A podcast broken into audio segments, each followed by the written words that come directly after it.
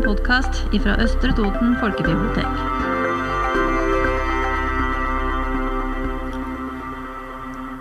Hei og velkommen til podkast. I dag så er det bare meg, Toril, som skal føre dere gjennom eh, den litterære stunda som vi hadde i går. Og grunnen til at jeg er alene, det er fordi at i går så var vi så heldige og hadde med oss hjelp fra Fyrverkeri bibliotek fra, på Vestre Toten. Og det var Ingvild Solberg som var med oss da.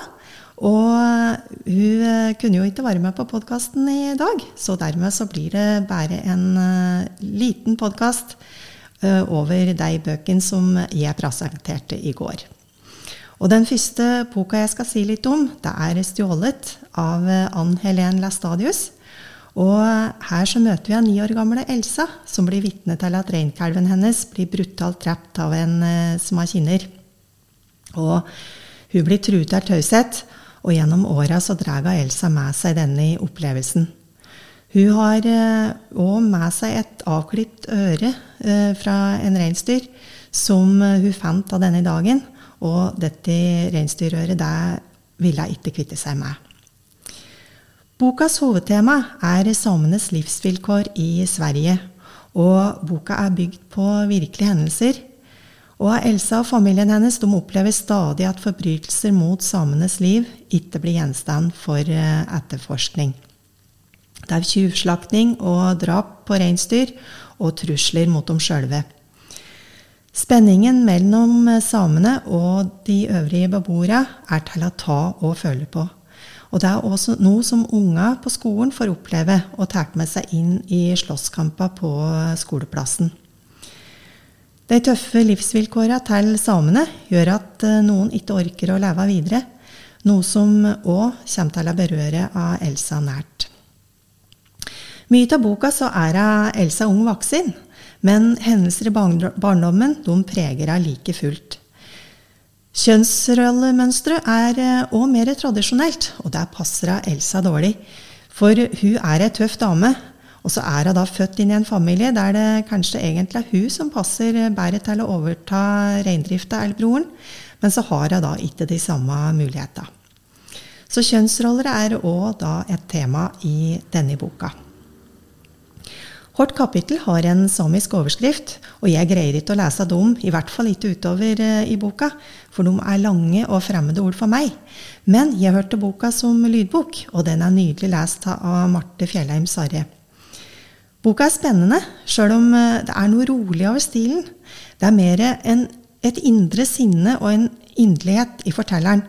Som om det er noe som eh, forfatteren har opplevd sjøl, eller har eh, noen i, som har kinner, i hvert fall, som har opplevd dette.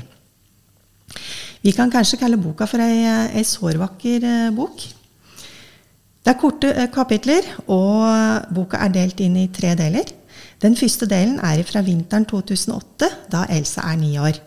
Og del to og tre er henta fra 2018 og 2019, og da er Elsa blitt 19-20 år gammel.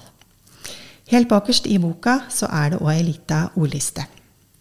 Jeg vil sterkt anbefale boka, både som en leseopplevelse i seg sjøl, og for å få vite, vite mer om samenes liv, kultur og tradisjoner.